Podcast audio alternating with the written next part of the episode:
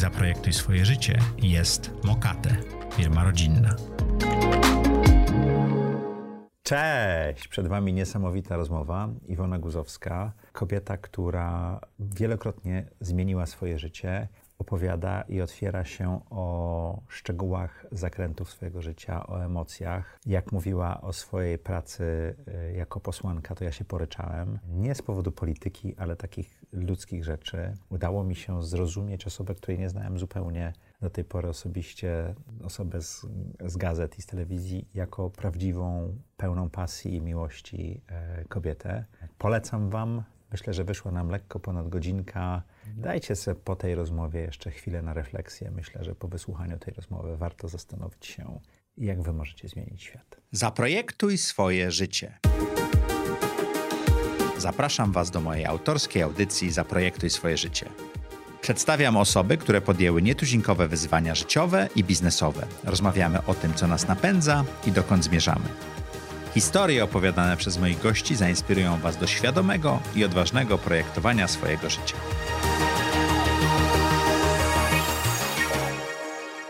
Partnerem odcinka jest Stocklots. Posiadasz stoki magazynowe? Chcesz uwolnić gotówkę i miejsce w magazynie? Skontaktuj się z nami www.stocklots.tv Cześć! Witajcie w kolejnym odcinku audycji Zaprojektuj swoje życie. Jak co czwartek o czwartej zapraszamy dla Was super interesujących gości, zadajemy trudne pytania, zastanawiamy się, co ich napędza i na jakich zakrętach się wykoleili. Jeżeli jesteś tutaj pierwszy raz, koniecznie subskrybujcie, lajkujcie, zostawiajcie komentarze.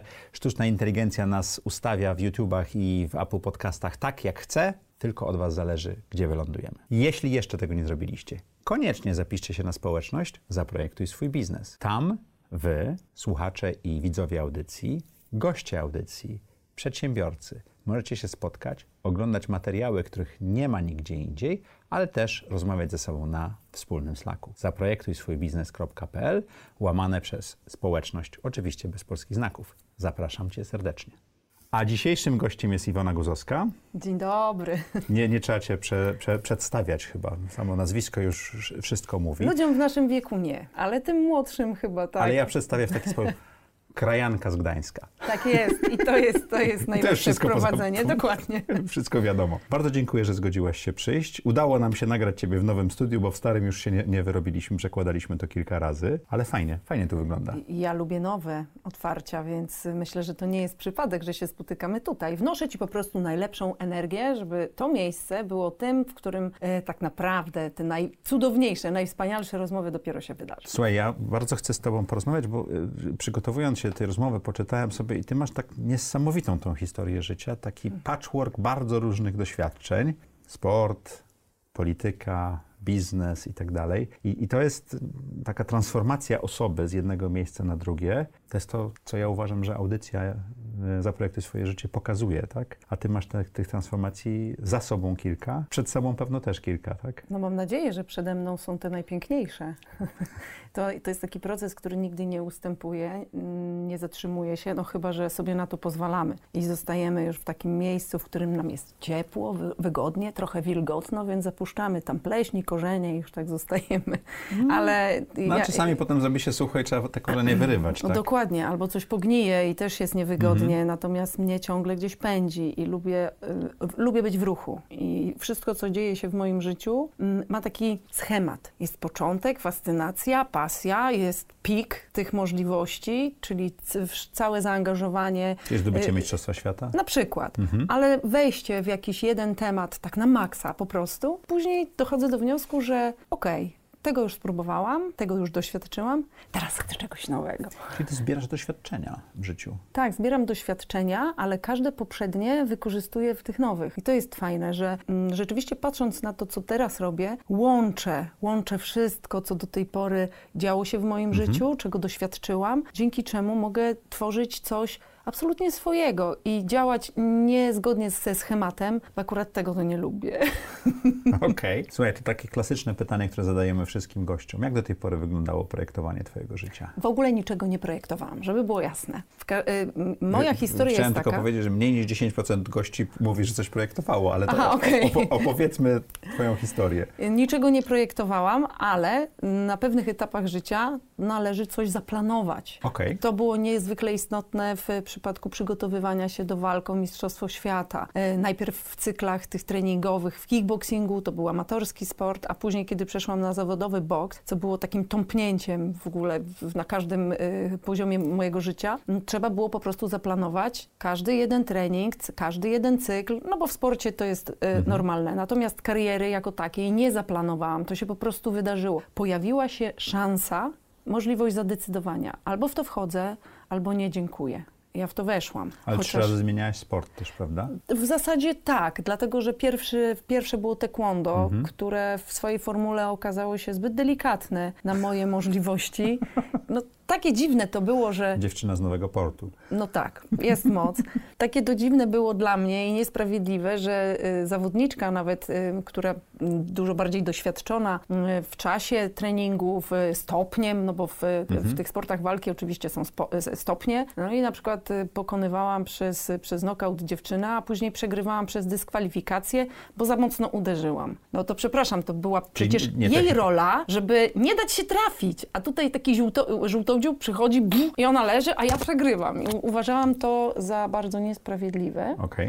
i później przyszedł czas na kickboxing. Czyli zmieniłaś zasady gry w pewnym sensie. Ta zna, znalazłam, Zmieniając grę. Tak, wła- właściwie znalazłam sport, który, w którym nie będę musiała myśleć o tym, żeby zahamować, zatrzymać rękę w momencie, kiedy już wyprowadzam cios, co na przykład jest y, bardzo częste w tenisie ziemnym. Bardzo dobrzy zawodnicy, czy ci, którzy wchodzą na pewien poziom, mają problem, wiesz z czym? Z zatrzymywaniem ręki w kluczowych momentach. A wtedy trzeba puścić. Tak samo w walce trzeba po prostu zadać ten cios i niech to w harmonii z całym twoim ciałem, z energią wyskoczy i zrobi swoje. Więc w kickboxingu to było możliwe.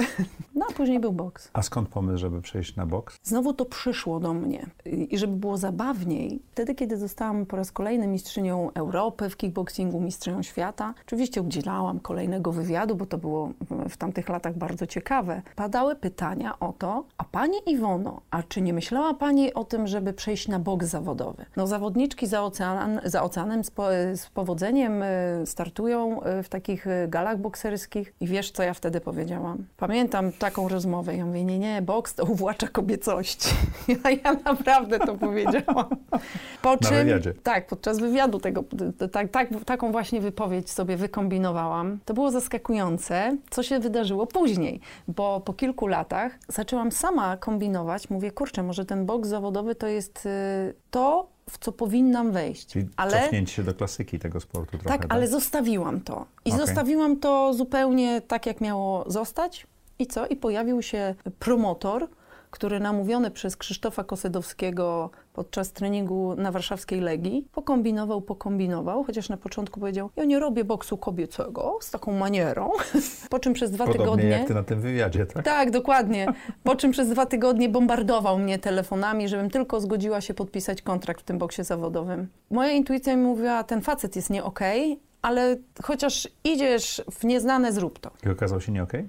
Okazał się nie okej. Naprawdę intuicja to jest coś, yy, czego Ludzie, z powinniśmy się wiążemy, słuchać. no, bo taki kontrakt to jest dłuższy czas, nie? Tak, dłuższy czas. Poza tym, wiesz, y, ja byłam pierwszą kobietą w Polsce, która zdecydowała się na taki krok. Żadna dziewczyna przede mną nie trenowała i nie startowała w boksie zawodowym. W związku z tym trenerzy też nie wiedzieli i całe środowisko nie wiedziało, co z tego się wykluje, jak to będzie wyglądało, jak będą wyglądały te walki. Bardzo wielu dziennikarzy też pytało mnie, pani Iwono, przed moim debiutem, a co się stanie, jak przez przypadek pani kopnie swoją przeciwniczkę? A dla mnie takie pytania były absurdalne, ponieważ No trenowałaś przecież. po pie- zmieni- tak, ja trenowałam. Poza tym dla mnie wysoki poziom, poziom profesjonalizmu w tym, co robię, to był w ogóle klucz do wszystkiego. no, więc Trzeba tej gry, te, tego sportu się tak, nauczyć, i to prawda? było takie przełączenie, taki Mhm. switch i w ogóle nie było potrzeby kopania. A oni tego nie rozumieli, Mhm. więc nie było tego problemu. Ale rzeczywiście boks zawodowy był zupełnie innym sportem niż kickboxing. Chociaż wielu ludziom wydaje się, że to jest tak podobne,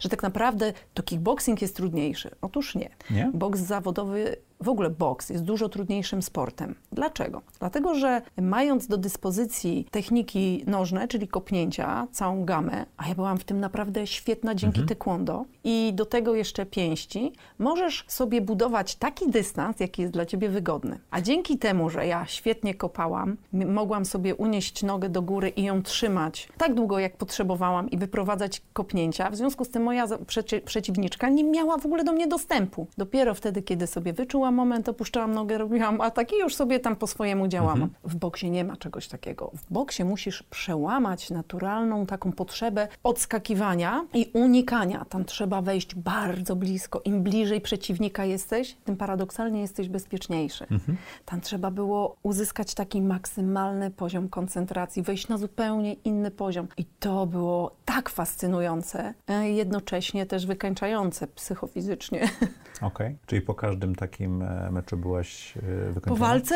Mhm. Po walkach może nie tyle, co po treningach, po tej presji, którą sama sobie nakładałam, Bo po na sparingach. Miałeś, na treningach na, na, na, sama sobie nakładałaś większą presję, tak, niż na walce? Ja byłam strasznym katem dla siebie przez tamten To było okres. dobre czy złe? Gdyby nie takie podejście, być może nie doszłabym do takich spektakularnych sukcesów. Też gdyby nie to, że byłam dla siebie taka niedobra, gdyby nie to, że musiałam spalić się dosłownie na popiół, przeżyć depresję, tą związaną oczywiście z nadmiernym wysiłkiem, bo mój organizm powiedział w końcu, słuchaj, stara, przesadzasz. przesadzasz. To nie byłabym też takim człowiekiem, jakim jestem dzisiaj. Tak, Czyli spalenie się na popiół jak Feniks, może być dobre, przysłowiowy. Nie? Tak, ja tego potrzebowałam. Ja musiałam się spalić, wypalić, przepalić po to, żeby zbudować siebie po swojemu, zbudować siebie świadomie, pozostawić przeszłość i przestać patrzeć na świat przez jej pryzmat. I to, to, to wielka wartość. To co poza marką dała ci kariera sportowa? Przekonanie, że jeśli zaufam sobie,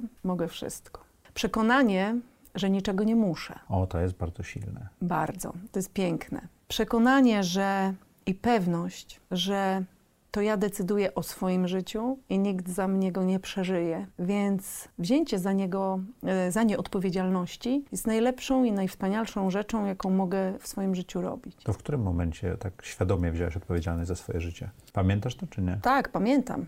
Wtedy, kiedy nie usunęłam ciąży. Czyli jak miałaś 18 lat? Tak. Wtedy właśnie wzięłam pełną odpowiedzialność za to, to co się wydarzyło. Nawet więcej niż swoje życie, prawda? Bo byłam odpowiedzialna już nie tylko za siebie, mhm. ale za tego malutkiego człowieka, którego serduszko gdzieś tam biło. To jak wygląda kariera sportowa, jak jest się równocześnie matką? Ja te same pytania zadaję tak, też w tak. biznesie, ale w sporcie jeszcze nie rozmawiałem, bo to jest, to jest trudne, prawda? Tak, bo rzadko się zdarza, żeby kobieta mhm. rozpoczynała swoją karierę po porodzie. Mhm. Zazwyczaj kończąc karierę decydują się kobiety na dzieci, czasem wracają, czasem nie. U mnie było wszystko odwrotnie. Ja się śmieję y, nieraz, że y, wszystko idzie na opak, na odwrót, co pokazuje jedną rzecz że nie, musi, nie musimy powielać żadnych schematów, mhm. że możemy tworzyć swoją własną historię, ale o tym pewnie jeszcze powiemy. Natomiast moja mama była tym elementem, tą niesamowitą y, mocą, dzięki której mogłam się realizować. Mhm. Bo de facto ona została obarczona wychowaniem tego malutkiego y, chłopaka i zrobiła to najlepiej, jak potrafiła. Wiedziałam, że z nią jest bezpieczny. No to było takie trudne. W ogóle to był ciężki czas. Tak mhm. Kiedy tak sobie myślę mm, o tamtych latach, szczerze mówiąc, to był jeden z najtrudniejszych etapów w moim życiu. Czego ciebie to nauczyło? Że po burzy zawsze przychodzi słońce. Że nic nie trwa wiecznie i wszystko mija. I że trzeba zrobić to, co masz do zrobienia najlepiej, jak potrafisz teraz. I na tym się skup. Nie wybiegałam myślami dalej niż na najbliższy, powiedzmy, tydzień, a czasami, kiedy było bardzo źle, zajmowałam się tylko tym, co mam do zrobienia tego danego dnia, bo nie wiedziałam, tak, bo nie wiedziałam, co będzie jutro. Wiesz, wtedy, kiedy jeszcze nie, pod, zanim podpisałam kontrakt w boksie zawodowym, byłam mistrzynią świata w kickboxingu, wynajmowałam mieszkanie, miałam jakieś stypendium na poziomie 500 zł, to po prostu dramat. I tego synka, którego sama wychowywałam, była straszna pogoda, mróz, minus kilkanaście stopni na zewnątrz, a mi wyłączyli gaz, bo nie miałam na rachunki. Y, ja się mierzyłam z takimi rzeczami. Mhm.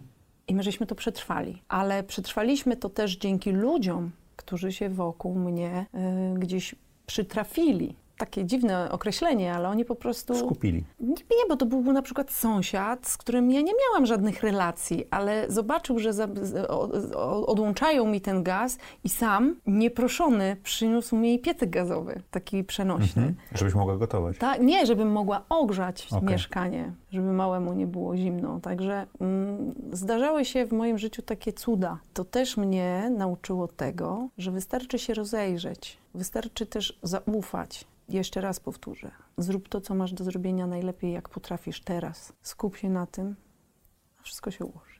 I ten kontrakt e, na boks zawodowy odmienił troszeczkę Twoją sytuację finansową? Na pewno poprawił, ale mhm. nie jakoś znacząco. Jeśli patrzymy na boks zawodowy przez pryzmat tego, co obserwujemy w mediach i obecnie, no to to jest w ogóle zupełnie inna bajka. Mhm.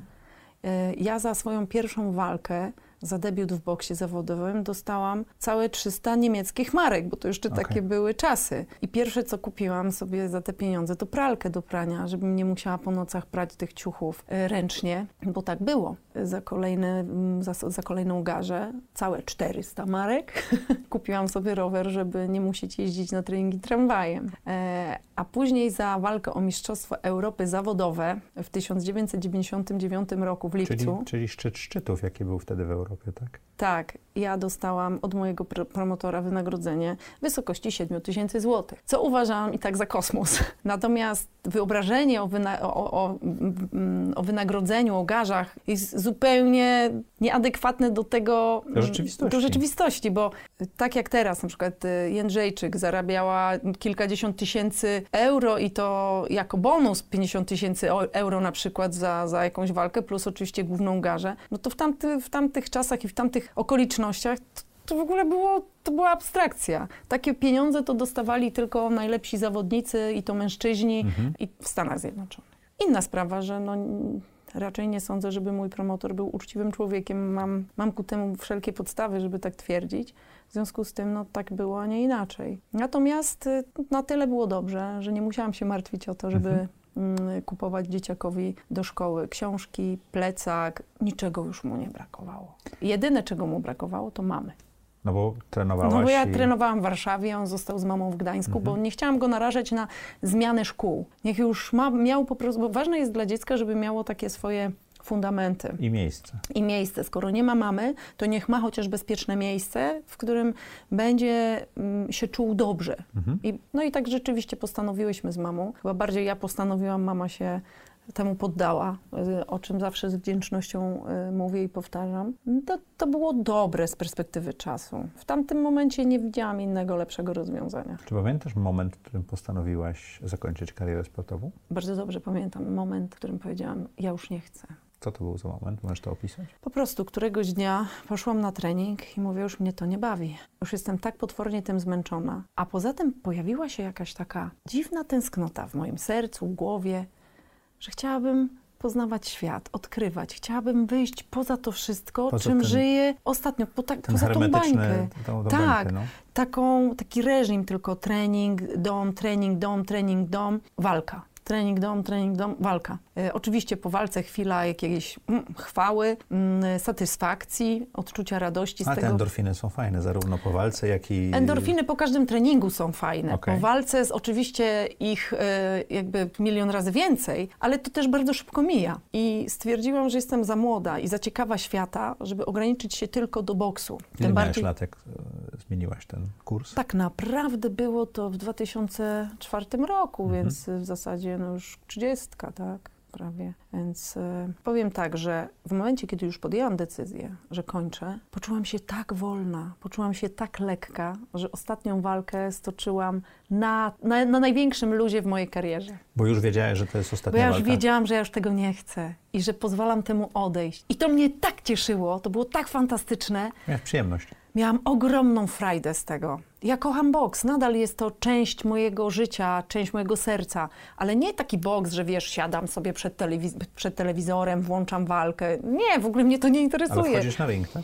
Ale wtedy, kiedy wchodziłam do ringu, to było, to było fantastyczne. Wtedy, kiedy podejmowałam walkę ze sparring partnerem czy z przeciwniczką już w ringu podczas tej y, najważniejszej walki, to wejście na zupełnie inny sposób postrzegania świata, inna percepcja, to było coś absolutnie fantastycznego. Zawsze powtarzam, że byłam lepszą wersją siebie samej i rzeczywiście tak było. Natomiast e, fajnie było podjąć taką decyzję, bo ona była całkowicie zgodna z całym moim człowiekiem.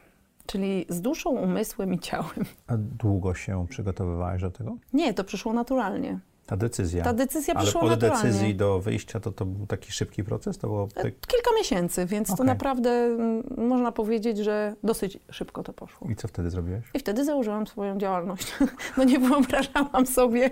Z czegoś trzeba żyć, tak? No tak, z czegoś trzeba żyć. Zrobiłam, założyłam swoją firmę, e, Mhm. firmę, która e, miała docelowo od początku być tym, co robię teraz. Ale w tamtym czasie nie byłam jeszcze na to gotowa, żeby tworzyć swoje programy szkoleniowe, żeby robić to tak, jak robię to teraz. W związku z tym wykombinowałam sobie inny sposób m, robienia eventów, na których zgromadziłam cudownych, wspaniałych ludzi, znanych z okładek gazet, z, z artykułów z telewizji, którzy przyjeżdżali na przykład do Trójmiasta, bawili się świetnie, nie wiem, strzelając, bo robiłam Mistrzostwa Polski w wieloboju strzeleckim, gwiazd, czy, czy wyścigi e, samochodami terenowymi. I oni się fajnie bawili, ale dzięki temu, że uczestniczyli w tych imprezach, byli sponsorzy, którzy płacili pieniądze i przekazywali też pieniądze na, na cele charytatywne. Czyli mogłaś pokryć koszty, troszeczkę zarobić, Zarobić, siebie pieniędzy tak. i też coś dobrego I stworzyć. zrobić coś dobrego. I nie zapomnę, jak y, mm, to była ostatnia, ostatnia impreza, którą robiłam, bo później był kolejny przełom. Mieliśmy kupić specjalną protezę dla takiego chłopca, który urodził się y, z jakimiś takimi uszkodzeniami kości, więc nie mógł y, obciążać w ogóle tej nogi. I trzeba było specjalną taką protezę, taką Dzisiaj to wydaje się jakimś przeżytkiem, ale w tamtych czasach to był mm, naprawdę szał. Okazało się, że okej, chłopiec jest chory, potrzebuje tej pomocy, ale tam jest jeszcze jego siostrzyczka, malutka, która tak naprawdę też jest w jakimś sensie porzucona. Tyle pieniędzy zebraliśmy, że w ogóle udało się mm, zapłacić tym dzieciakom za fajną edukację, taką dodatkową, jakieś y, zajęcia z angielskiego. Jednemu chłopcu na przykład zrobiliśmy renowację, bo miał wielki talent. Takie fajne rzeczy. Czyli miałaś taki wpływ na życie ludzi. Nie wiem, czy miałam wpływ, ale zbierałam wokół siebie ludzi, którzy rzeczywiście chcieli, i to robili.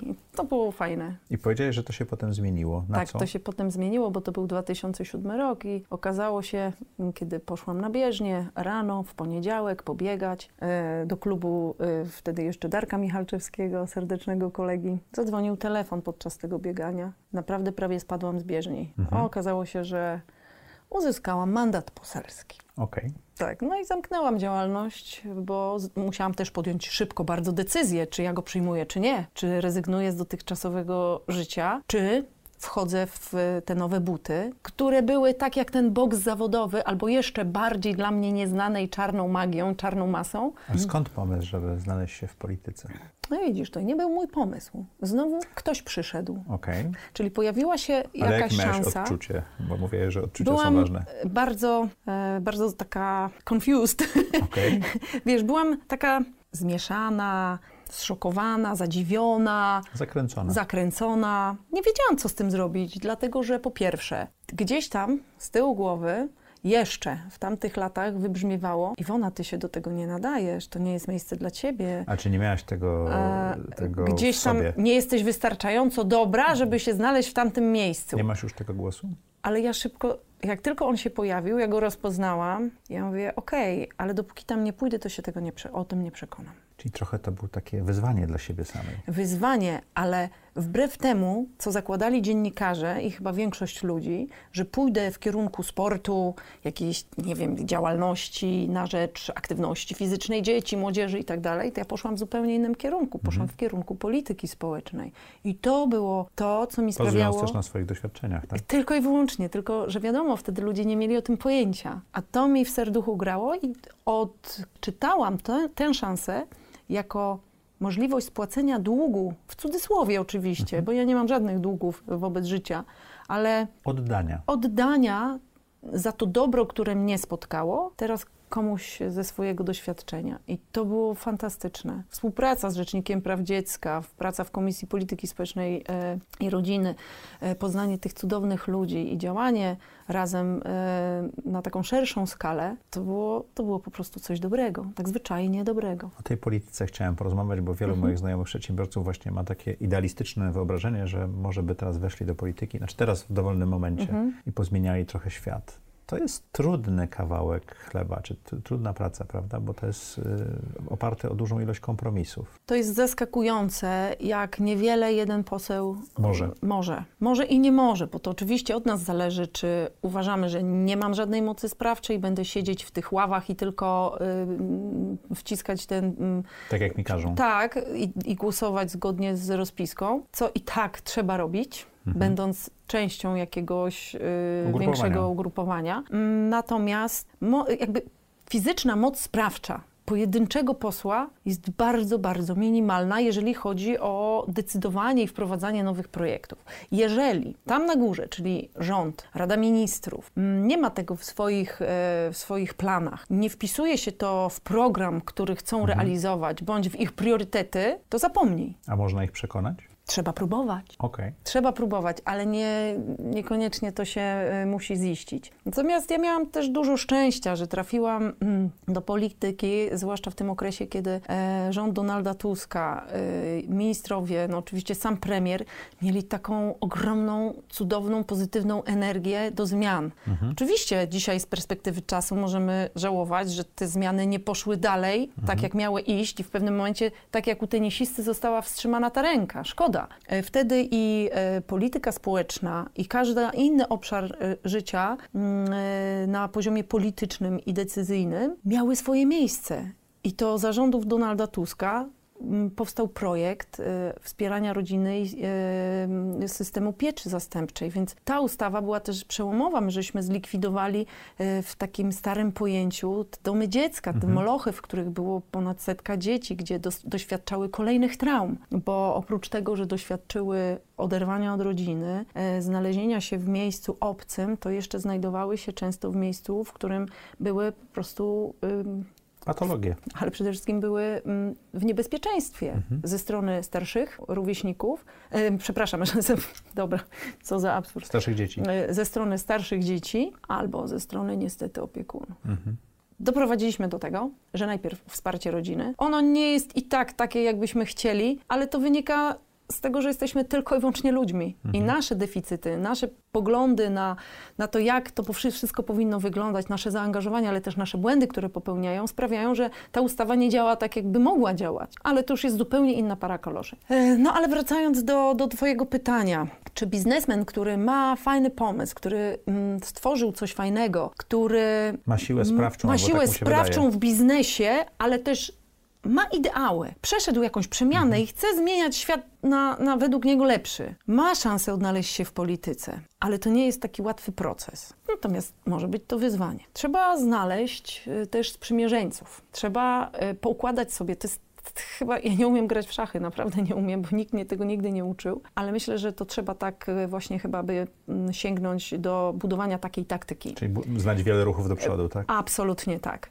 Zebrać wokół siebie ludzi, którzy będą popierali Twoją wizję, Twoje konkretne projekty. Najlepiej wchodząc do polityki, mieć już konkretne projekty tego, co się chce zrobić i w jaki sposób. I mieć grupę, która cię wesprze. I grupę, która cię wesprze, a ta grupa, tą grupą zawsze będzie ugrupowanie polityczne, z ramienia którego się dostaniesz do tego parlamentu. I teraz pytanie, czy chcesz być członkiem politycznym, mieć legitymację partyjną i wtedy masz większe szanse, od razu mówię, ja nigdy nie miałam legitymacji partyjnej, nie zdecydowałam się na ten krok. E, Czułam, że potrzebuję tej swojej niezależności, wolności, patrzenia na to z pewnego dystansu, bo jakby polityka... Ale przez to też trochę byłeś zawsze outsiderem, tak? Byłam outsiderem, ale dzięki temu też nie, nie zgubiłam optyki, wiesz, takiej z dystansu. I to ma swoje Ma to, wszystko ma swoje plusy dodatnie i ujemne. tak? Jak pewien gdańszczanin mówił, Tak, dokładnie. No w końcu jesteśmy z Gdańska, więc e, jedno z fajniejszych moich Mhm. powiedzeń, które sobie e, przywłaszczyłam. Natomiast jak jesteś członkiem partii, masz oczywiście też większe szanse. Z tym, że zanim zaczniesz realizować fizycznie swoje założenia i swoje plany, to jest bardzo długa droga. To może Całe minąć, struktury. Może minąć cała kadencja czasami. Tak? Może minąć nawet dwie kadencje mogą Mhm. minąć. Dlatego, że żeby w ogóle dostać się na listę do parlamentu, to albo musisz być absolutnie wyjątkowy, albo medialny, żeby mieć dobre nazwisko. Czyli Na przykład tak ja z tego powodu dosz, do, dostałam się na listę. Z tego powodu I ktoś tego- w ogóle wpadł na pomysł, żeby mnie tam umieścić. Nie, No nie dlatego, że... nazwisko, Tak, tak? ale ja nigdy nie byłam na żadnym spotkaniu partyjnym. Ja nie miałam pojęcia. Ale zgodziłaś się, żeby być umieszczoną. Zgodziłam się, bo wykombinowałam, że nie ma ryzyka, Okej. żebym się dostała do tego parlamentu. Że mało prawdopodobne jest. Tak, że nie ma ryzyka i że okej, jak I dlatego potrzebują... prawie spadłaś z bieżni, tak? Tak, dlatego, że to było tak. W 2005 roku e, PiS wygrał wybory, PiS wy, wygrało wybory i mie, mieliśmy takie później spotkanie popierające różnych sportowców, znanych artystów, z których miasta zaproszono do tego, żeby wspierali e, no, świętej pamięci Pawła Adamowicza i, i e, kandydatów Platformy Obywatelskiej na członków Rady Miasta i tak dalej. Pamiętam, spotkałam wtedy po raz pierwszy Donalda Tuska i zaczęliśmy rozmawiać mm, o polityce. Ja mówię, dlaczego się nie możecie dogadać? Dlaczego tak się dzieje? Bo to, bo to przecież już e, chyba na zakładkę było rok po, po wyborach do parlamentu. Mówi, wiesz co, ty cię nadajesz do polityki. Ja mówię, o na pewno, nigdy w życiu.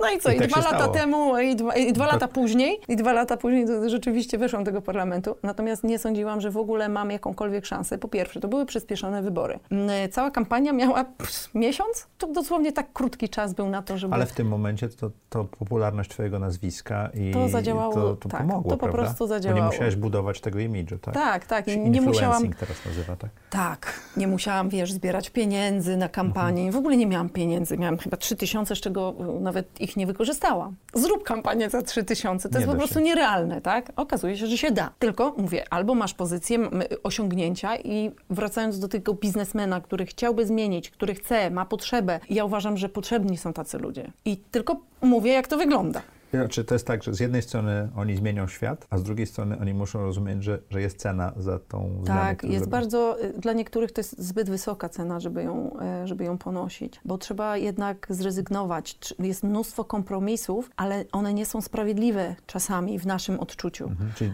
nasze Rezygnujesz z wartości, nasze wartości będą... Niestety bardzo często jest tak, że twoje wartości musisz odsunąć w imię czegoś tam wyższego dobra, ale ja nie wiem, czy to jest dobro. To jest, zostawmy to w cudzysłowie. Więc y, trzeba mm, rzeczywiście nabrać takiej grubej skóry i dystansu, że jeśli chce y, wejść do polityki, zobacz, co się stało z Januszem Palikotem. Był w polityce, do której trafił z dużego biznesu, a gdzie on jest dzisiaj? Znikną. Zniknął. Znaczy ro, robi biznes, tak? Tak, i takich przykładów mamy kilka, prawda? Mhm. Więc y, jeżeli ktoś naprawdę chce zmieniać świat, niech go zmienia w swój własny sposób i tak się wszystko poukłada, że dostanie na to szansę, żeby zrobić coś więcej, jeśli tak ma się zdarzyć. Ja tak uważam. Super.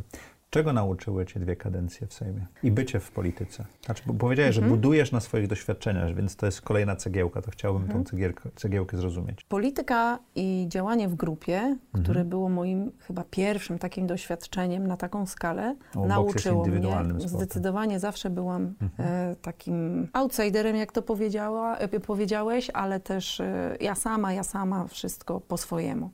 A tutaj trzeba było nauczyć się, ale też docenić siłę grupy, Mhm. tego jak razem możemy rzeczywiście więcej zrobić, jak e, cudowna jest siła rażenia, kiedy e, więcej ludzi czuje i działa w podobny sposób. Mhm. To, to jest jak efekt kulki śniegowej. Więc w grupie jest siła? Tak. I, i to, to jest fajne. Współpraca buduje. To, tego się nauczyłam. Nauczyłam Czyli się tak- też... Takich, formalnych i nieformalnych grup, jak, jak, jak, nich, jak w nich się odnaleźć, jak nimi zarządzać, tak? Też, ale przede wszystkim, że mm, znajdując w ludziach sprzymierzeńców, Okej, możemy więcej. okej. Możemy też przede wszystkim w większej grupie masz szansę na obserwację i masz szansę nauczyć się więcej, bo Od masz wiele różnych modeli funkcjonowania. Każdy z nas jest absolutnie wyjątkowy. Ma swoją własną historię, swoje własne sposoby na to, y, żeby wyrażać siebie, ale też każdy z nas ma inną wiedzę, inne, inne wartości, które przyjmujemy. I albo z nich korzystamy, albo nie, ale w większej grupie masz po prostu szersze spektrum. I to jest cudowne. Czego mnie jeszcze nauczyła polityka? Że każdy jest wystarczająco dobry, żeby tam być. A czy był jakiś koszt tego dla ciebie? Bycie w polityce ma, mm, ma też swoje takie mm, Ciemne strony. ciemne, niewygodne strony. Na pewno to, że non-stop jest się na takim świeczniku pod obstrzałem. E, Dziennikarze tylko czekają na twoje potknięcie, na jakąś wpadkę, e, atakują z, po prostu, bo takie, ma, takie mają zadanie. Wiadomo, tabloidyzacja mediów też swoje robi. Mm, To jest niewygodne. Przestajesz mieć swoją prywatność. E, To, co było dla mnie bardzo niewygodne, ale jeszcze bardziej niewygodne było dla mojego syna, że on rykoszetem Dostawał? dostawał, a to nie była jego bajka, nie jego w ogóle świat. I nie chciał i nie życzył sobie ingerencji w swoje mm, prywatne życie, zwłaszcza wtedy, kiedy niestety doświadczył wypadku, uprawiając swój ukochany sport. I e, w jednym z tabloidów na, na, na okładce znalazło się jego zdjęcie, prywatne zdjęcie e, i e, jakieś hasło, że syn posłanki złamał sobie kręgosłup. No po prostu jakaś masakra. On strasznie to przeżył. To było bardzo niefajne. I to jest ta y, cena, którą jednak trzeba wliczyć. Życie publi- bycie, Bycie osobą publiczną osobą powoduje, że publiczną. stajemy się bardzo widoczni. Tak? My to pół biedy, ale również to dotyczy naszych Wszyscy- wszyscy bliskich. wkoło. Tak, to trzeba wziąć pod uwagę. Czy jesteśmy, ja mogę być na to gotowa, ale czy moi bliscy są na to gotowi? A, to Więc lekcja. starałam się chronić mojego syna Mhm. do maksimum. Nie zawsze niestety dawałam radę, bo Mhm. wiadomo, dziennikarze mają swoje sposoby i szukają takich tajnych sensacji. Co jeszcze? No na pewno, że bycie w polityce ogranicza też twój wolny czas na realizowanie swoich pasji poza pracą. I tego czasu było rzeczywiście Bo dużo, dużo mniej. Harmonogram, tak. Życie na dwa domy. E, tydzień w Gdańsku, tydzień w Warszawie, tydzień w Gdańsku, tydzień w Warszawie, więc takie rozbite życie. E, ja jestem nomadem, można powiedzieć, chyba mentalnym, bo praktycznie od e, 18 roku życia żyję w walizce, bo jestem wiecznie w jakiejś podróży. Mhm. Ale tak też? naprawdę tak. Okej, Y, to dojdziemy do tego za chwilę. tak. Natomiast y, i te, też powiedziałam na początku naszej rozmowy, ja kocham być w ruchu Mhm. i mi to pasuje, ale są takie momenty, że już jestem zmęczona i potrzebuję się zaszyć pod kocykiem, troszkę wiesz, poczytać, odpocząć. Potrzebuję tego po prostu. Mhm. Po czym znowu z nową energią ruszam w świat. Mm, A tego trochę w polityce było dla mnie już za dużo. Tam Y, nie Poza było tym, miejsca na tą jaskinię, prawda? nie było miejsca na jaskinię, to raz. Dwa, zaczęła mnie nudzić polityka Ponownie. ponownie zaczęła mnie nudzić. I o ile w pierwszej kadencji ta moja energia No bo się uczysz, tak? uczę, zachwycam, a poza tym odkrywam, ile mogę fajnych rzeczy zrobić. E, To, jak działało moje biuro pos- poselskie, to przede wszystkim było działanie na rzecz ludzi, którzy tam przychodzili. Bo Czyli nie miałam. konkretna osoba z konkretnym problemem. Tak, nie miałam złudzeń, że na forum parlamentu mogę zrobić tylko to, to i to, okej. Wychodziłam i tak ze swoimi inicjatywami i to one fajne, fajnie wychodziły, ale one nie miały żadnego większego znaczenia. Poza tym, umówmy się, ja wiem i nie mam z tym żadnego problemu, nie jestem politykiem z krwi i kości. Ja nie jestem zwierzęciem politycznym. Mnie nigdy to Czyli nie, nie... budujesz tych Nie bu- koalicji, które coś tam... Nie, w ogóle mnie to Okej. nigdy nie interesowało. I podziwiam ludzi, którzy, którzy mają taką Mhm. energię, mają taką determinację, żeby w ten sposób y, funkcjonować i są do tego stworzeni. Ja nie. Ja nie robiłam żadnej wybitnej, wspaniałej polityki, bo, bo nie. I nie mam z tym problemu, mam tego To świadomość. zanim cię zapytam o kolejną transformację, bo poruszyłeś bardzo ciekawą rzecz. Czy pamiętasz jakąś osobę, której mogłaś pomóc jako poseł, tak wybitnie? Tak. Opowiesz I- taką anegdotę jakąś? Nie Historię? wiem, czy to anegdota, ale No, na no, pewno historie. są to historie takie ludzkie. Prawdziwe. Tak, y, pamiętam, y, było wiele. Właśnie, właściwie teraz mam y, aż taką burzę w głowie, bo nie wiem, którą wybrać. Ale powiem o. O, i to będzie fajna historia w kontekście tego, co odbieramy też politycznie y, i, i medialnie. To była taka rzecz, którą zrobiłam wspólnie z, z kilkoma osobami ponad podziałami. Wtedy prezydentem był jeszcze Lech Kaczyński. Mhm. I przyszły, przyszły do mnie dwie y, cudowne kobiety. One były wychowawczyniami w pogotowiu opiekuńczym w Gdańsku. I powiedziały tak, pani poseł, mamy taką dziewczynkę, która jest w trzeciej klasie liceum i dostała decyzję wojewody o deportacji do Rosji. Ale ona przyjechała tutaj mając 8 lat. Ona tu skończyła szkołę podstawową, tu ma liceum, tu ma przyjaciół, ona tam nikogo nie ma. Jak ona teraz ma, ma wrócić do Rosji? W ogóle no, trzeba ją ratować. Ja mówię, kurczę, trzeba dzieciaka ratować. Mi też kiedyś ktoś dał szansę. Napisałam pismo do prezydenta. Posłanka Platformy Obywatelskiej do prezydenta. Nie minęła, nie minęła chyba doba od wysłania faksu. Oczywiście drogą taką pocztową też ten list, to pismo poszło, ale przede wszystkim poszło to m, faksem do kancelarii. Dosłownie na drugi dzień dzwoni telefon. Asystentka mówi, Iwona, minister Duda do ciebie. Wtedy ministrem prezydenckim był Andrzej Duda, tak? Mówi, pani poseł, zapraszamy jutro na spotkanie. Prezydentowa Maria Kaczyńska chce się pani, z panią spotkać w sprawie, w sprawie tej dziewczynki. Wow. Natychmiast to było. I dało się załatwić. Pojechałam, prezydent zadziałał, cała ta administracja i dziewczynka została. To było, to było tak cudowne, ja to tak miło wspominam No i i dobrze. mamy drugi odcinek, że się poryczałem. No. Maria Okej. Kaczyńska była cudowną, fantastyczną osobą. Nie postrzegałam nigdy ludzi, z którymi pracowałam, przez pryzmat ich poglądów, tego, jaką opcję polityczną Jakie reprezentują, mają wartości. tylko jakie mają wartości.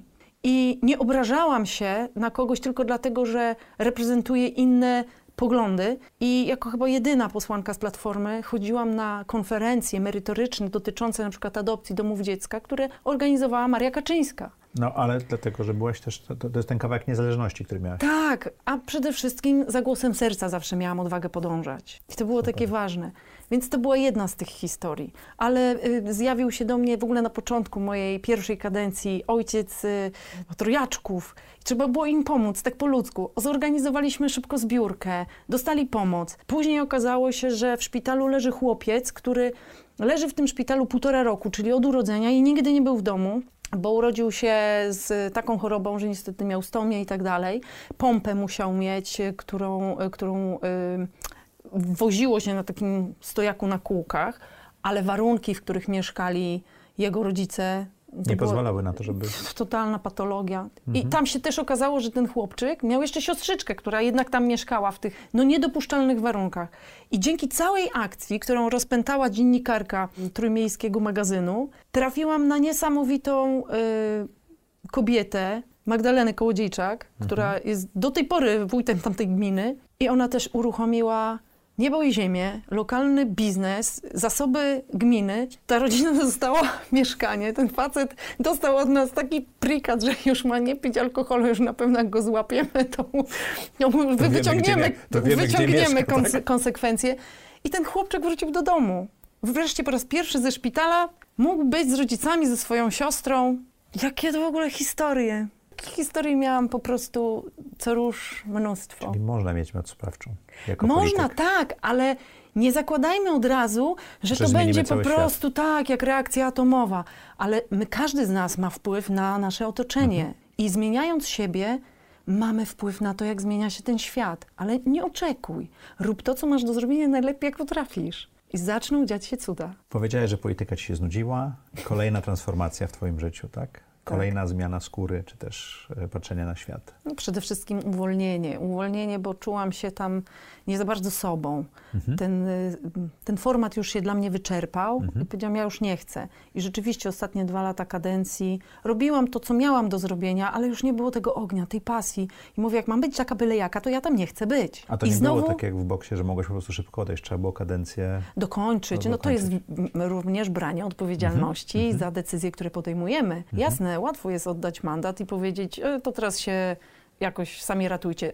Nie byłoby problemu, bo jest oczywiście kolejna osoba, która nie dostała się do parlamentu, kolejna z listy i ona wtedy wchodzi, no ale zanim Ale się wdroży, nie, zupełnie nie o to chodzi. Też nie chciałam mm, zawieść tych ludzi, którzy jednak poszli i wrzucili ten głos, bo to jest ważne Bo głosowali na ciebie. głosowali na mnie, więc takim, taką podjęłam decyzję, że trzeba to do, doprowadzić do końca. No i wiedziałam, że absolutnie wracam do ym, tego, czego nie zdążyłam zrealizować, zakładając po raz pierwszy swoją firmę, więc znowu skończyłam y, pracę w parlamencie, założyłam firmę i wtedy która już teraz trwa. i która trwa. I wtedy już byłam gotowa na te zmiany i na to, żeby wykorzystać dotychczasowe doświadczenie, zwłaszcza w pracy, z pracy z parlamentu w zakresie tej polityki, poli, polityki społecznej i wsparcia dla drugiego człowieka. I mówię, kurczę, tak naprawdę najbardziej tym dzieciakom, do których i tak jeździłam przez cały czas, bo tak w międzyczasie, brzydko mówiąc, e, jeździłam dalej i odwiedzałam domy dziecka. Mhm. Spotykałam się z młodzieżą, z dzieciakami i wiem, że tego, czego im naprawdę najbardziej potrzeba, to takie wewnętrzne przekonanie, że po pierwsze nie jestem gorszy, że ode mnie zależy, jak będzie wyglądało moje życie od teraz. Że to, mhm. co się przydarzyło, na co nie miałem, nie miałam wpływu, okej, okay, to już było ale teraz to ja mam prawo marzyć i kreować swoją przyszłość. I to było najważniejsze. I to mi przyświecało zakład, dawanie kiedy. Im tego. Tak, dawanie im tego. I pokazywałam siebie bez żadnego wstydu, bez żadnych oporów, jako taki przykład. Ja mówię, słuchajcie, e, bo jak przychodziłam do takich dzieciaków, to zawsze był taki dystans, no bo kolejny mhm.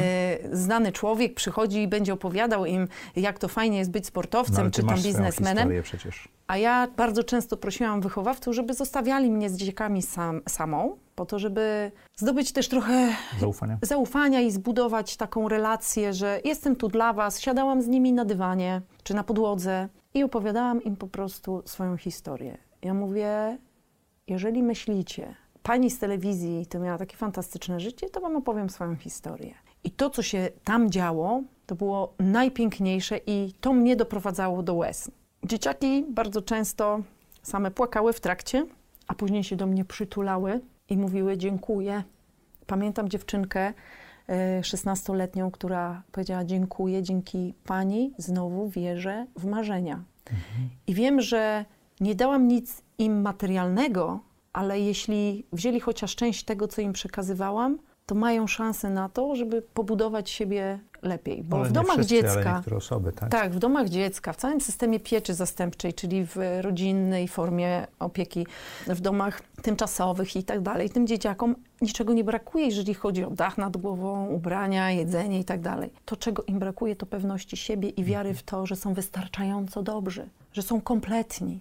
I na tym bazuje moja firma, żeby człowiek, z którym pracuję, bez względu na to, jaka jest jego historia, jaka, jaka jest jego pozycja, jaki jest jego majątek, stan posiadania, mi to w ogóle nie interesuje. Jeżeli on uważa, że jest niewystarczająco dobry, że nie jest kompletny, że jest jakiś wybrakowany, to moim zadaniem jest pokazać mu, że jest zupełnie inaczej. Poprzez pracę indywidualną, przede wszystkim dotarcie i odkrycie, w którym momencie życia nabrał takiego przekonania. I najczęściej te przekonania są niestety schakowane w, naszym, w naszej podświadomości. I to głęboko, głęboko Bardzo w przeszłości. Głęboko, głęboko w przeszłości i to, co się tam zakotwiczyło wtedy, kiedy rządziły fale teta w naszym mhm. mózgu, one rządzą podczas snu, czyli wtedy, kiedy ta podświadomość y, komunikuje się z nami za pomocą snów, a na jawie to tylko intuicja tak nam dochodzi, to tam trzeba popracować, pogrzebać. Jest e, fajna metoda, timeline terapii, hipnoza. Przede wszystkim e, narzędzia bardzo proste, które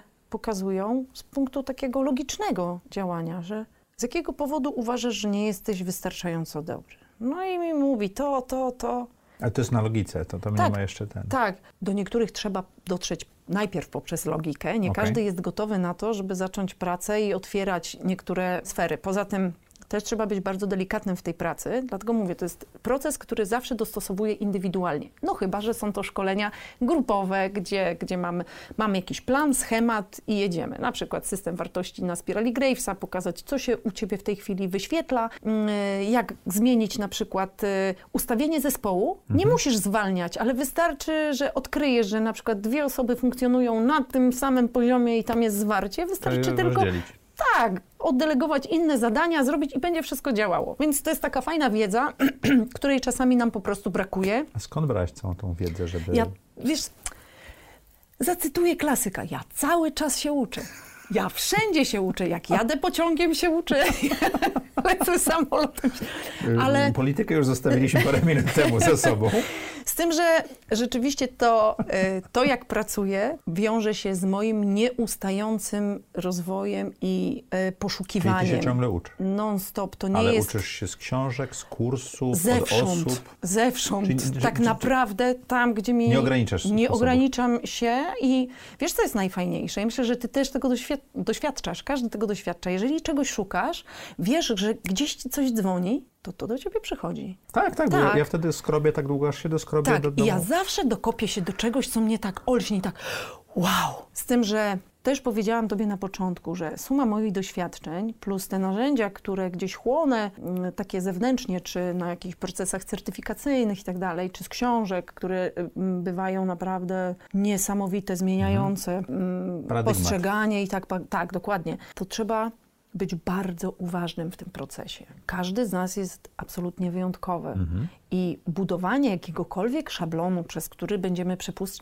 przepuszczać wszystkich, to jest straszna pułapka. Nie, te Ale- procesy mają ci pomóc w pomaganiu one innym, a, tak. ale nie być... A nie znowu szufladkować, etykietować i wkładać kogoś w jakiś szablon. Jak tu nie pasujesz, to znaczy, że rzeczywiście jesteś wybrakowany. To tak nie działa.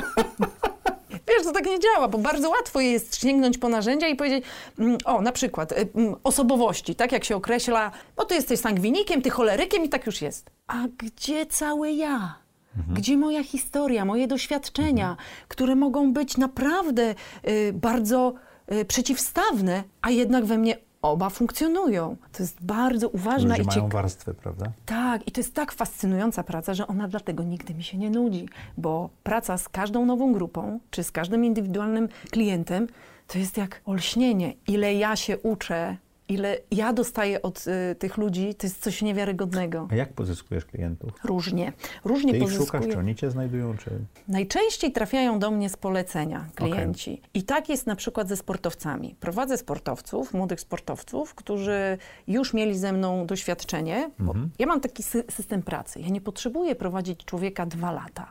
W moim odczuciu jest usamodzielnić go w możliwie krótkim czasie. O dwa lata to już jest uzależnienie trochę, nie? No niestety niektórzy tak pracują i tak funkcjonują. Ale to wtedy uzależniasz tą drugą Bardzo uzależnia się i jak na przykład nie ma ze mną psychologa sportowego, to gram go- gorzej, biegam źle albo nie potrafię wygrać walki. To nie o to chodzi, bo de facto i tak wtedy, kiedy stajesz na linii startu, kiedy znajdujesz się na korcie tenisowym, czy wchodzisz do ringu, wszystko zależy od ciebie i to ty podejmujesz decyzję. I twój sztab, który zostaje poza tą e, przestrzenią, nie ma już nic do gadania. I ym, tak pracuję z ludźmi, żeby jak najszybciej sobie to uzmysłowili, wzięli 100% odpowiedzialności za siebie, za swoją karierę, za swoje decyzje, które będą na polu sportowym czy biznesowym podejmować i ich puszczam. I to jest w ogóle najfajniejsze. I czasami wracają po kolejną, kolejny etapy. Wracają, ale na przykład przed jakimś bardzo ważnym, kluczowym y, meczem, czy przed y, jakimś kontraktem, który ich czeka i ma, pojawiają się jakieś stare schematy, więc popra- y, nie poprawiamy, tylko ponawiamy pewien proces, dokładamy coś nowego i idzie. Ta praca sprawia ci przyjemność? Ja kocham tą pracę. To jest po prostu, ja jak jadę na spotkanie, czy z moimi sportowcami, czy mm, tak jak jutro jadę poprowadzić e, szkolenie dla firmy, to ja już tak zacieram ręce. Ja się nigdy nie mogę doczekać Poważnie? e, poznania tych ludzi, e, tego, kim są, czego się od nich nauczę, jak to wszystko zapracuję. To jest, ojejku, no kocham tą robotę. Znaczy nie jest tak, że po tych spotkaniach wychodzisz, to jesteś taka przyjemnie, ale bardzo zmęczona? Nie, ja jak wychodzę, to jestem tak naładowana, że Aha. nawet jak późno wieczorem wracam, to nie potrzebuję kawy na drogę. To tak mnie ładuje. Po prostu tak czuję, że dzięki tym ludziom ja rozkwitam. Czyli masz swój flow w tej chwili. Mam, tak. I myślę, że nie, jestem przekonana, że y, ludzie, którzy pracowali, pracują ze mną, bardzo dobrze to odczuwają. To było cudowne. Ostatnio wracałam e, po sesji od, e, od takiej też cudownej, mądrej, młodej e, zawodniczki. Nie zdążyłam odjechać od niej na odległość siedmiu minut. Już dzwonił tato i powiedział, mówi, Pani Iwono, to co Pani robi, to jest w ogóle fantastyczne. Ja już dawno nie słyszałem u córki takiego optymizmu w głosie. No jak nie kochać tej roboty? Napisałaś książkę. Tak. I napisałam ją rzeczywiście sama. To co powiedziałem, okej. E, Ale rozumiem, że chodzi o to, że jest dużo ghostwriterów, tak? Tak, jest ghostwriterów, bądź są książki, które piszą dziennikarze y, i są w cudzysłowie współautorami książki. Także- Napisałaś sama książkę. Tak, napisałam ją sama, bo innej opcji nie widziałam. Czemu napisałaś książkę? I znowu do mnie przyszła ta, ta szansa. Byłam na maratonie, zdaje się w Poznaniu i zawsze przed maratonami są takie, takie expo. Targi dla sportowców, uczestników e, takiego maratonu. Można kupić sobie fajne, modne gacie do biegania, odżywki, buty, ale można też kupić bardzo inspirujące książki. I było tam stoisko wydawnictwa i sam właściciel tego wydawnictwa był na tym stoisku i zaczęliśmy rozmawiać, on mnie rozpoznał, kupiłam sobie książkę takiego cudownego, niesamowita historia w ogóle człowieka, Scotta Jurka. Polskie korzenie i ultramaratończyk. No i zaczęliśmy rozmawiać o tych książkach. Mówię, ale macie fantastyczne książki. Takich ludzi tutaj pan zebrał. A on mówi, no tak, ale tu brakuje jeszcze jednej takiej książki twojej. A ja tak. I tak się zaczęło. I pan I to Andrzej. znowuż nie był twój pomysł. Nie był tak... mój pomysł. I pan Andrzej, i do tego stopnia to nie był mój pomysł, że aż trzy lata po, potrzebował czasu, żeby dojrzeć. Żebyś siadła i zaczęła pisać. Tak, dlatego że na początku koncept był taki, że okej, okay, no to spróbujmy napisać tą książkę i mm, dwoje cudownych y, ludzi, małżeństwo, dziennikarzy, też z Trójmiasta, mieli to zrobić za mnie. Więc doszło do tego, że oni przyjeżdżali do mnie do domu i ja miałam im odpowiadać na różne pytania, jakieś opowiadać o sobie. Trochę jak ten wywiad. No właśnie to nie było tak jak ten wywiad. Okay. O ile jestem otwarta i nie mam problemu, odpowiadam na wszystkie pytania, chyba że nie, nie znam odpowiedzi, wtedy się przyznaję, to tam się czułam trochę jak ekshibicjonistka, co jest paradoksem, bo ja nie mam problemu z tym, żeby o sobie opowiedzieć, więc w zasadzie jestem w pewnym sensie ekshibicjonistką, ale, ale tam miałam ten problem. I wreszcie sobie uświadomiłam dlaczego. Dlatego, że e, no i znowu kontakt z, ze swoim nieświadomym umysłem. Moja intuicja mi powiedziała, Iwona, nie możesz zniekształcić swojej historii przez pryzmat osób. czyjegoś doświadczenia. Mhm. To nie będzie już twoje. Oni nie postawią akcentu tam, gdzie ty go postawisz. Oni nie zwrócą uwagi na coś, co jest dla ciebie ważne. Ty wiesz, albo będziesz wiedziała, jak to zrobić. No i zakończyliśmy te spotkania i pan Andrzej tak na każde święta Wielkiej Nocy, na każde święta Bożego Narodzenia dzwonił z życzeniami i z pytaniem, co z książką. Aż e, pewnego dnia Mówię, wiem już, jak chcę to zrobić. To przyszło też nagle. I jechałam samochodem na jakieś szkolenie. No nie przychodzi nagle, bo ten, to podświadomość e, tak, procesuje, to, tak? To gdzieś procesowała, dokładnie. Ale po prostu jadąc tym samochodem, nagle wrócił temat książki i ciarki na całym ciele i mówię, dobra, ja już wiem, jak chcę to już zrobić. Znałaś, tak? Już wiedziałam, jaki koncept, jak, jak to zrobić. I pojechałam z mężem do, do Łodzi, do wydawnictwa. Spotkaliśmy się, był pan, pan Andrzej, był e, dyrektor tamtego marketingu. Ja mówię, dobrze, jestem gotowa. Och, cudownie. E, a mówię, mam jeden warunek. No słucham. Pan Andrzej taki wyważony, cudowny, mądry człowiek. Ja mówię, ale muszę zrobić to sama. Chcę ją napisać sama, tą książkę. Stał oparty Dobrze, Iwono, spróbujmy. Mm, to było przed świętami Wielkiej Nocy, więc tym razem już nie, pis- nie dzwonił do mnie z życzeniami i pytaniem, co z książką, tylko dostał w Wielką Sobotę pierwsze dwa rozdziały i ja dostałam prezent na zająca. SMS od pana Andrzeja. Iwono, to jest dobre, czekam na więcej. I w czerwcu to dostał ostatni rozdział. Tak. Szybko. Codziennie pisałaś? Nie. Okej. Okay. Tak jak czułam. Tak jak wypływało. tak jak wypływało. Wykorzystywałam każdą chwilę, kiedy byłam sama w domu. Mhm bo też czułam, że potrzebuję być e, sama wtedy, kiedy piszę. I rzeczywiście w pewnym sensie było to takie, takim mm, rodzajem oczyszczenia. Zdarzyło mi się. No bo twoja książka nie jest typowa, nie jest chronologiczna, tylko tak. jest bardziej tematyczna. A, ale chyba, tak? tak, zdarzyło mi się y, kilka razy wybuchnąć takim płaczem, który mnie tak zaskoczył, gdzieś z głębi poszło. Wreszcie zobaczyłam siebie z innej perspektywy. I książka była dla ciebie takim katarzis? Myślę, że tak. Po raz Czy pierwszy. Tobie była potrzebna? Tak, po raz pierwszy zobaczyłam tą małą dziewczynkę, która dźwigała na swoich barkach za dużo. I po raz pierwszy dałam sobie prawo do tego, żeby ją przytulić, pożałować. I ja się zaraz rozpłaczę. Mamy ryczący odcinek dzisiaj. Ale tak, tak było. To było takie bardzo wzruszające, poruszające i oczyszczające. I wreszcie tak jakby moja dusza poczuła taką ulgę. Wreszcie zobaczyłaś, że to nie jest twoja wina. Wreszcie zobaczyłaś, że byłaś po prostu tylko dzieckiem. I to było takie dobre. Dlatego ta książka w sumie daje takiego pozytywnego kopa. Czyli w sumie nieważne, kto czyta, jak się sprzedaje, tak. to dla ciebie był, ten proces pisania był tak, tak. ważny. Ale też pomaga innym osobom. Czytałem opinie i, tak. i niesamowicie. Nieraz się popłakałam, kiedy byłam na przykład na wyjeździe i w hotelu rano jem śniadanie, przychodzi wiadomość na Messengerze od obcej osoby, czytam i nagle ryczę. Ale tak wzruszające historie, podziękowania, wyrazy wdzięczności, że to ja już teraz wiem, że nie jestem sama. To ja już teraz wiem, dlaczego tak reagowałem. To... Czyli ty mogłaś przenieść te doświadczenia z tych domów dziecka, z tych dywanów, gdzie siedziałaś na kolanach, na dużo szersze pole. Przede wszystkim z zacisza czterech ścian, w, którym, w których e, rozgrywały się wszystkie dramaty w moim życiu. E, taka zmowa milczenia sąsiadów, znikąd pomocy, wycofania rodziny, mhm. E, ta choroba alkoholowa, przemoc, to wszystko, takie piętno też bycia no, dzieckiem z domu dziecka, bo Mhm. to co z tego, że ja miałam rodziców adopcyjnych? Znaczy dla mnie to było najważniejsze, ale dla innych już zawsze byłam tą znajdą z domu Mhm. dziecka, nie? Więc mnóstwo takich rzeczy. Iwona, w audycji Zaprojektuj swoje życie jest taki moment, kiedy zadajemy trudne pytania. To jest taki nasz hashtag, żeby lepiej poznać e, gości. Myślę, że już super Cię poznaliśmy, ale spróbujemy zrobić, bo to są te same pytania do wszystkich. Dobra. Czy możesz opisać najlepszą decyzję, jaką podjęłaś w swoim życiu? Tak, od dawna wiem, jaka to jest decyzja. To jest decyzja, żeby podążać swoją własną drogą bez względu na wszystko, na opinie innych, żeby podążać, mieć odwagę, iść tam, dokąd ciągnie mnie moje serce. A co daje Ci najwięcej energii czy satysfakcji w życiu? Życie zgodnie z wytycznymi swojego serca. To mi daje największej, naj, najwięcej radości, bo wtedy się otwieram na świat, na ludzi, mm, wtedy ego schodzi na plan dalszy i wtedy dzieją się te cuda w moim życiu. Czy możesz opisać swój typowy dzień? Nie mam typowego dnia. Mm, Okej. Mogłabym to zrobić w odniesieniu do kariery sportowej. Wtedy prawie każdy dzień wyglądał tak samo.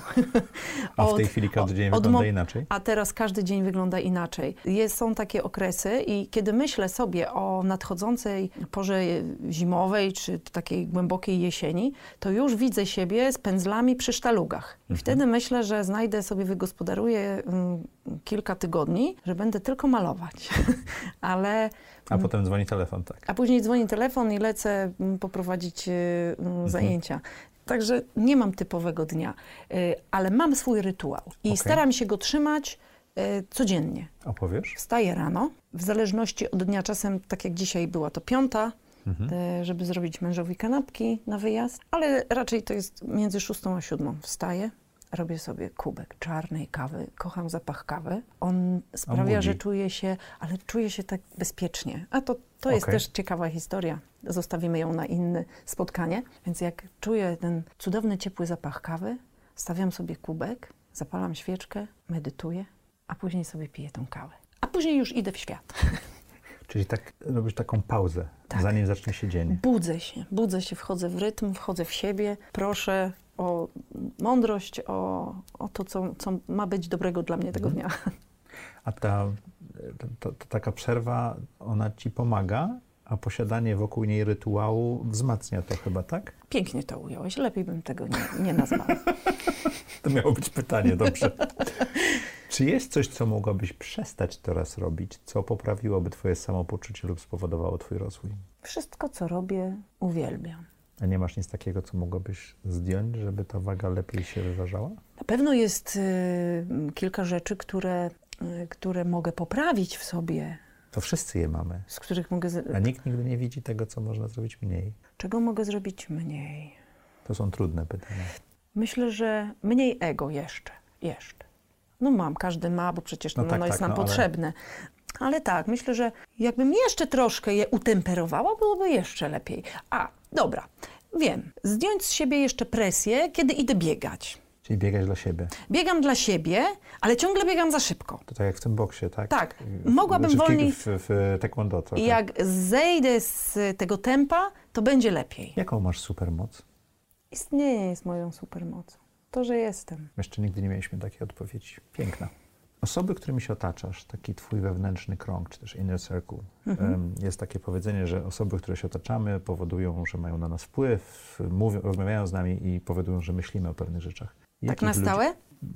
Jacy ludzie na ciebie mają w tej chwili wpływ największy? Ci, którzy są najbliżej mnie. To właśnie. Jakich Mąż. dobierasz? No mąż, bo sobie go wybrałam. Mhm. Chociaż no to myślę, oboje twierdzi- się... twierdzi, nie, że- oboje się wybraliśmy. Myślę, że tutaj akurat pełna symbioza i zgoda nastąpiła. Ale mm, ostatnio to y, wnuk, Gerard, taką piękną istotą. On taką niczym nieskrępowaną radość życia. I po prostu ja, go od, ja jego, patrząc na niego, odkrywam patrzenie na świat od nowa oczami dziecka. I mnie to tak zachwyca i pochłania mnie. Wtedy, kiedy jestem z nim, świat przestaje istnieć albo zatrzymuje się i odkrywam jego nowe wymiary. Mam też cudowną, mądrą przyjaciółkę, która w lot rozumie to, co czasem chcę powiedzieć, albo nawet nie muszę jej tłumaczyć. Cudownych, mądrych teściów I ci ludzie mają na ciebie wpływ. mają na mnie wpływ, bo ja dostaję od nich tyle miłości. Mhm. I to jest tak, że dzięki nim tej mojej miłości jest jakaś taka nadprodukcja. Czy możesz ją rozdawać? Tak, ja ją po prostu rozdaję, gdzie się da. A im więcej jej rozdaję, dzięki właśnie nim, Tym więcej tym więcej tak jej dostaję. Mhm. Więc tak myślę, że, że to. I jest jeszcze jedna osoba, ale długo z tym walczyłam. Julka. Julka, której od trzech lat jestem pełnoetatową macochą. To był trudny czas w moim życiu, bo ona tak dosyć niespodziewanie trafiła do naszego domu. No i Julka pięknie mi od, po prostu otworzyła swoje serce, a ja się tak długo przed tym broniłam. A dzisiaj mogę powiedzieć, że ją kocham. no, mogę powiedzieć, że po prostu mam córkę. Okej. No i tak wygląda właśnie to otoczenie. Czy możesz opisać trzy rzeczy, które chciałabyś robić za trzy lata? Nawet nie chciałabym, ale ja chcę. Ja wiem, czego ja chcę za trzy lata. Znaczy za trzy lata, co będzie, Ja to będzie. specjalnie zadaję czasownik niedokonany, czyli Tak. nie zrobić, ale robić. Nie? Tak, ja chcę. Chcę dalej robić to, co robię, ale Mhm. jeszcze lepiej niż robię to teraz. Chcę, żeby ludzie, którzy do mnie trafią, byli po prostu szczęśliwi, żeby odnajdowali swoje moce bez żadnych ograniczeń. I chcę, żeby to było w tym miejscu, które już mam w głowie. Więc chcę za trzy lata znaleźć się w tym miejscu, które stworzę, które zbuduję. Dosłownie. Czego nauczyła cię pandemia? Pandemia nauczyła mnie tego, że nie wolno nam ograniczyć naszej wolności w kontaktach z drugim człowiekiem. Strasznie z tego, cierp- z powo- z tego powodu cierpimy. I tak jak przed pandemią dużo czasu spędzaliśmy alienując się, odsuwając od ludzi, tak teraz lgniemy do siebie nawzajem. Mhm. Brakuje nam wspólnych imprez, koncertów, przebywania ze sobą w swoim towarzystwie. Czy czegoś więcej mnie nauczyła? Czas pokaże. Na Mhm. dzisiaj to jest największa wartość, którą dostrzegam, że zaczęliśmy doceniać bycie razem. Książka, która? Bessel van der Kolk, Strach ucieleśniony. To jest książka, która otworzyła kolejne moje horyzonty, ale Okej. to tak, tak bardzo dynamicznie, tak bardzo szeroko. I to jest pierwsza książka, którą napisał naukowiec, terapeuta, z takim sercem, z taką wrażliwością na drugiego człowieka. Czytając ją się popłakałam. Mhm. Naukowa książka. A ja czytałam tą książkę i w mojej głowie po prostu dokonywały się reakcje dosłownie atomowe i już wiedziałam, że chcę iść w tym, w tym, w tym i w tym kierunku i ja muszę wszystko to poznać, powąchać, dotknąć, doświadczyć. Co chciałabyś, żeby słuchacze i widzowie audycji Zaprojektuj swoje życie zapamiętali z tej rozmowy? Chcę, żebyście zapamiętali, że jesteście najlepszymi, najwspanialszymi ludźmi, jakich w życiu spotkaliście. Nie ma nikogo lepszego od ciebie. Super. I ja nie wiem, co teraz powiedzieć. Bardzo Ci dziękuję. Dziękuję. Dziękuję Wam. E, Łezka dalej kręci mi się wokół. Do zobaczenia w przyszły czwartek o czwartej.